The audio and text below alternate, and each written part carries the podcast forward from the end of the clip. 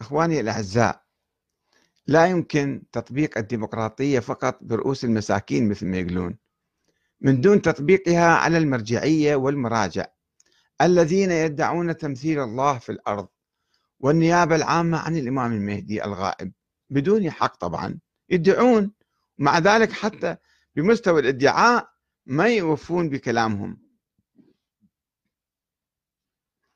ليس من الضروري واحد يسألني أحد الأخوة يقول أنت ما تؤمن بالمرجعية ولا تقلد هذا فليش تنتقده؟ شو خصك بالموضوع؟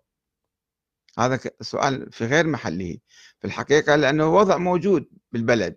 حتى لو أنا ما انتخبت رئيس الوزراء مثلا أو الحزب الفلاني الحاكم بالتالي أنا مواطن في هذا البلد وهذا رئيسي وهذا ملكي وهذا زعيمي وهذا الحاكم.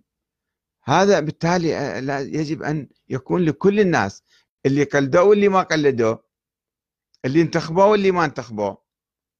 يجب حالة موجودة بالساحة يجب أن ننتقدها. ليس من الضروري أن أؤمن بمرجعيته وأقلده وإلا لأصبحت واحدا من الذين يقدسونه ويتبعونه اتباعا أعمى. وإن من حقي أن أنتقده لأنه زعيم سياسي. مرجع زعيم سياسي الآن هو. ويدعي أنه نائب الإمام المهدي والحاكم الشرعي والولي الفقيه. ومع ذلك لا يقوم بمهامه وواجباته.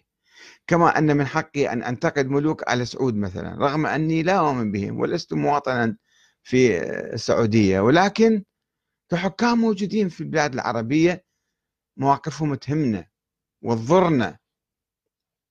ولكنهم يدعون أنهم ولاة الأمر ويحتلون هذا المنصب الخطير. يعني آه، شوفوا بالنتيجة يعني عندنا ألف سنة 1400 سنة ما كان عندنا ديمقراطية وكنا نحرم الشورى والديمقراطية. الآن انتقلنا إلى مرحلة جديدة الشيعة بالخصوص.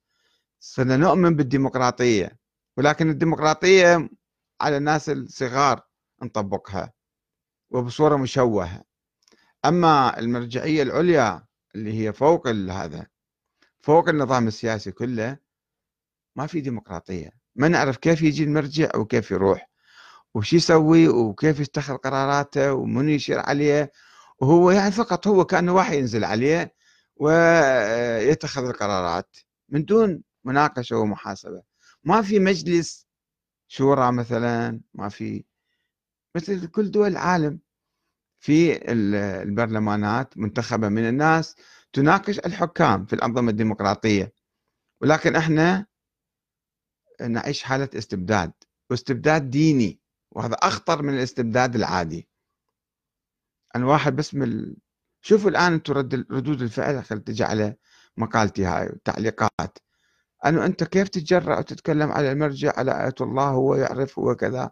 أنت منو حتى تتكلم؟ هكذا هذا منطقهم. هذا منطق المستبدين ومنطق الاستبداد. أنه ما يسمحوا لأي إنسان أن يناقش أو يرد أو يقترح أو يأمر بالمعروف أو ينهى عن المنكر.